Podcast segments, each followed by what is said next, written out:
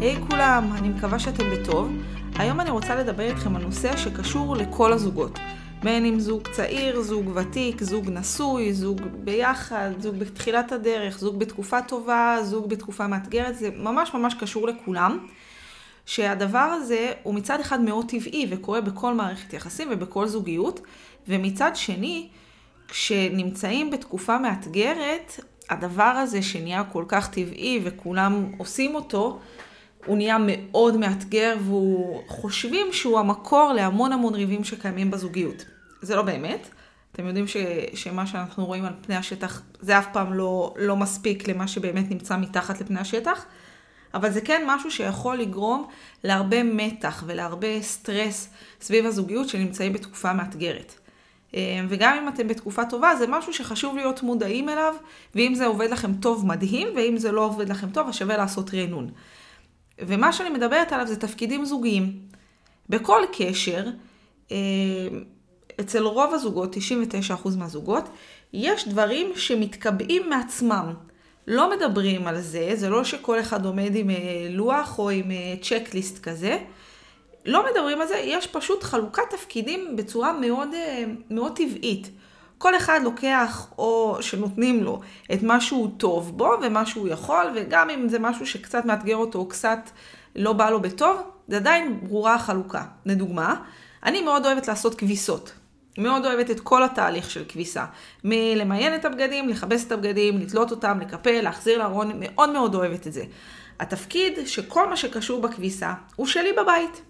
לעומת זאת, בן הזוג שלי הוא מאוד מאוד טוב בדברים בירוקרטיים. מאוד. הוא מאוד טוב בזה. לי אין סבלנות לזה בשום צורה.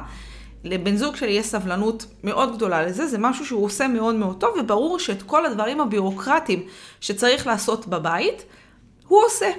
זה מין חלוקת תפקידים כזאת, שלא ישבנו והגדרנו אותה ופתחנו יומנים ופתחנו פנקסים, זה משהו מאוד מאוד ברור שקרה. עכשיו, אני רוצה שתחשבו על חלוקת התפקידים בזוגיות שלכם. על מה אתם אחראים ועל מה בני הזוג שלכם אחראים. האם זה משהו שעובד לכם טוב? האם זה משהו שאתם נהנים לעשות? האם זה משהו שמספק אתכם? האם זה משהו שאתם מרגישים ש, שבונה את הזוגיות בצורה טובה, שמוריד מחלוקות ומיישב אה, סכסוכים? ואתם באמת נמצאים טוב בתפקידים האלה. זה יכול להיות בגידול הילדים, במטלות הבית, אה, מי שיותר אחראי על הילדים, כי בסופו של דבר לא משנה כמה אנחנו שוויוניים בגידול הילדים וכמה אנחנו מעורבים בגידול הילדים, יש אחד שהוא יותר. ויש אחד שהוא אחראי לזה שלדעת בדיוק מתי יש אספת הורים, מתי יש מסיבה וצריך לשלוח את הילד עם חולצה לבנה, או את הילדה עם איזה פרע. זאת אומרת, גם בתוך עולם הילדים יש לנו איזושהי חלוקה.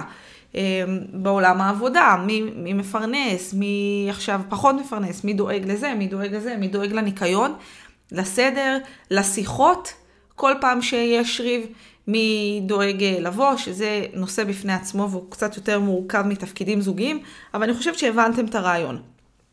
עכשיו, כל עוד התפקידים הזוגיים עובדים לכם, ואתם מרגישים שזה מקדם את הבית ומקדם אתכם, ואין לכם בעיה לעשות את זה, אתם גם נהנים מזה, זה משהו שאתם באמת באמת טובים בו, ויותר חשוב מזה, אתם מרגישים שהזוגיות שלכם נמצאת במקום טוב, פגז.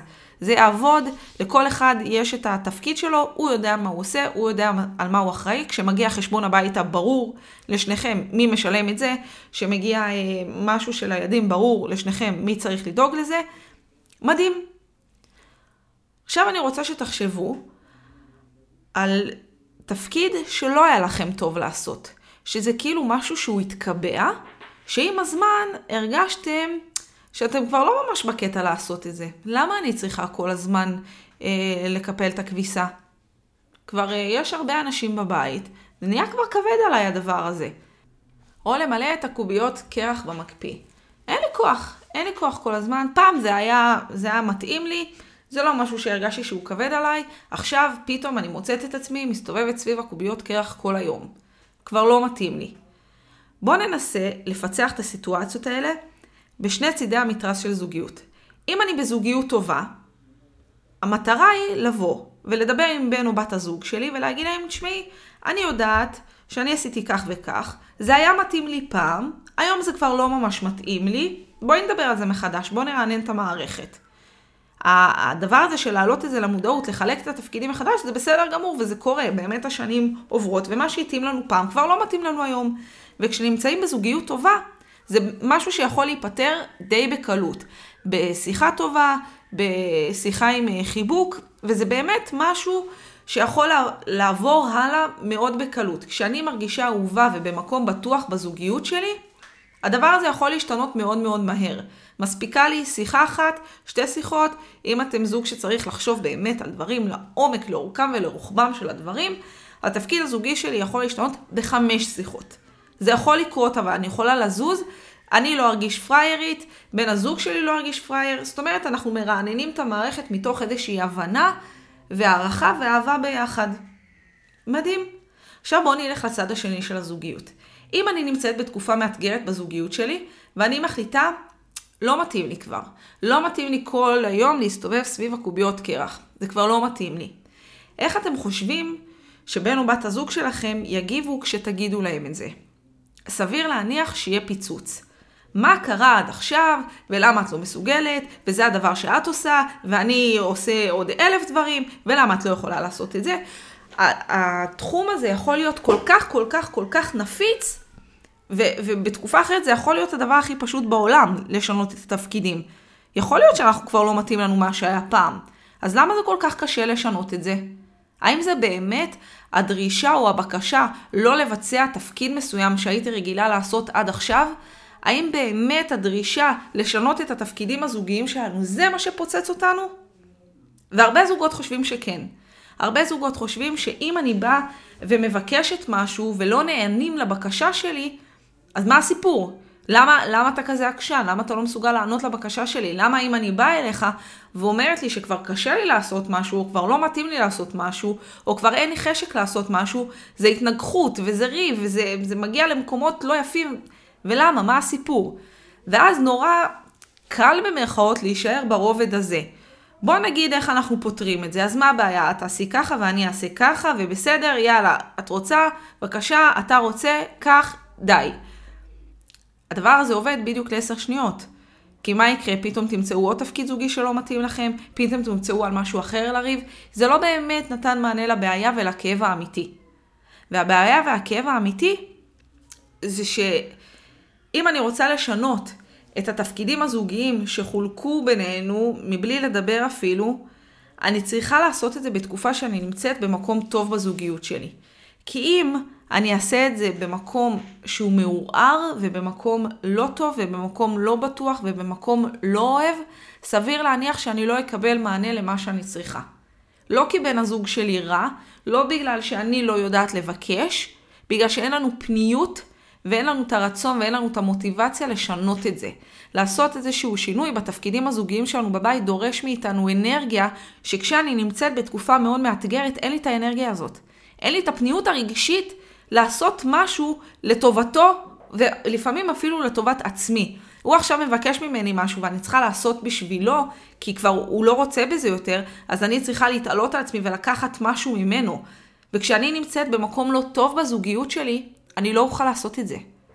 ולכן התפקידים הזוגיים זה משהו שלחלוטין אפשר לשנות, וזה בסדר לשנות את דעתי, וזה בסדר שבחלוף השנים, מה שהיה מתאים לי פעם והתקבע כבר לא מתאים לי.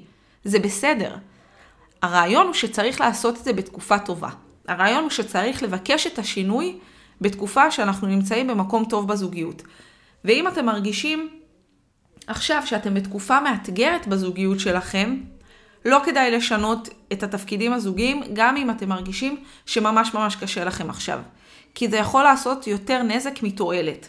כדאי לנשוך את השפתיים, להגיע לטיפול זוגי, לטפל ב- בליבה של הבעיה, בליבה של הכאב, ולמה אתם לא מרגישים אהובים בבית, ומה קורה ביניכם עכשיו, ואיך אפשר להתעלות על המשבר הזה, ואז כשתהיו במקום טוב, יהיה מאוד פשוט לשנות את התפקידים הזוגיים. ולמה אני מדברת איתכם על זה? דבר ראשון, כדי שתדעו שלכל הזוגות יש תפקידים זוגיים. ואם תחשבו על זה לעומק, אתם תגלו שגם אצלכם בבית, לכל אחד יש את התחומי האחריות האלה, שלא דיברתם עליהם בכלל, ש- שזה ברור מאליו מי דואג למה. ואם אתם במקום טוב בזוגיות שלכם, תדאגו לשאול את בן הזוג שלכם או בת הזוג שלכם, גידי, זה בסדר שאת עושה את זה? את צריכה עזרה? תודה שאת עושה את זה. שתעריכו את התפקידים הקטנים האלה, שבגלל שברור לכל אחד מאיתנו מי אחראי לזה, אז אנחנו אפילו לא, לא מתייחסים לזה. ואם אני במקום טוב, להעריך את זה, זה ייתן קרבה הרבה יותר גדולה בינינו, כי רואים מה אני עושה, למרות שברור לי שאני עושה את זה. למרות שבסך הכל שלחתי את הילד עם חולצה לבנה לטקס. אבל זה מוערך, רואים את זה, וזה מקרב הרבה הרבה יותר.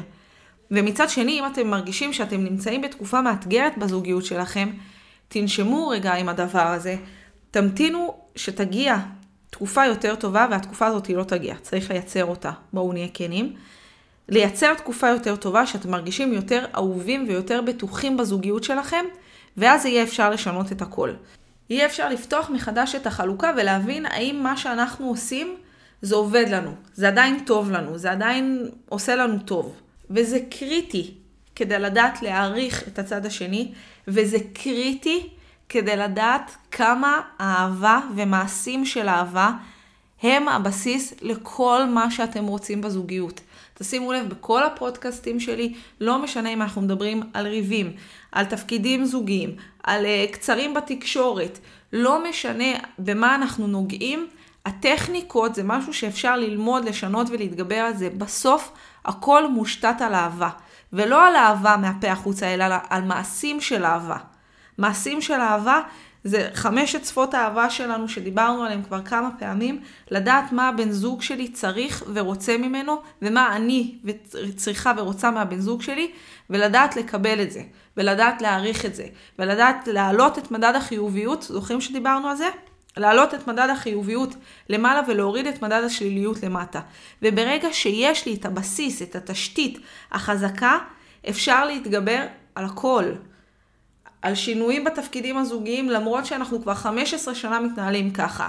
על אה, ריבים שנראים לנו קטסטרופליים. אפשר להתגבר על הכל כשיש בסיס של אהבה בבית. שכל אחד מבני הזוג מרגיש אהוב בתוך הבית שלו, אפשר לשנות את הכל. אז תשימו לב שיש אצלכם בבית גם תפקידים זוגיים. אם אתם במקום טוב, תבדקו אם זה עובד לכם, ותעריכו את זה. תעריכו את בן ובת הזוג שלכם שעושים את התפקידים האלה. זה ייתן לכם מתנה מאוד מאוד גדולה ביחס ביניכם. ואם אתם במקום מאתגר, תגיעו לטיפול זוגי, תבנו תשתית חזקה יותר של אהבה, ואז תדברו על התפקידים הזוגיים, כי גם זה ישתנה. גם לזה תקבלו מענה כשתהיה אהבה בבית. תנסו, מקסימום תצליחו.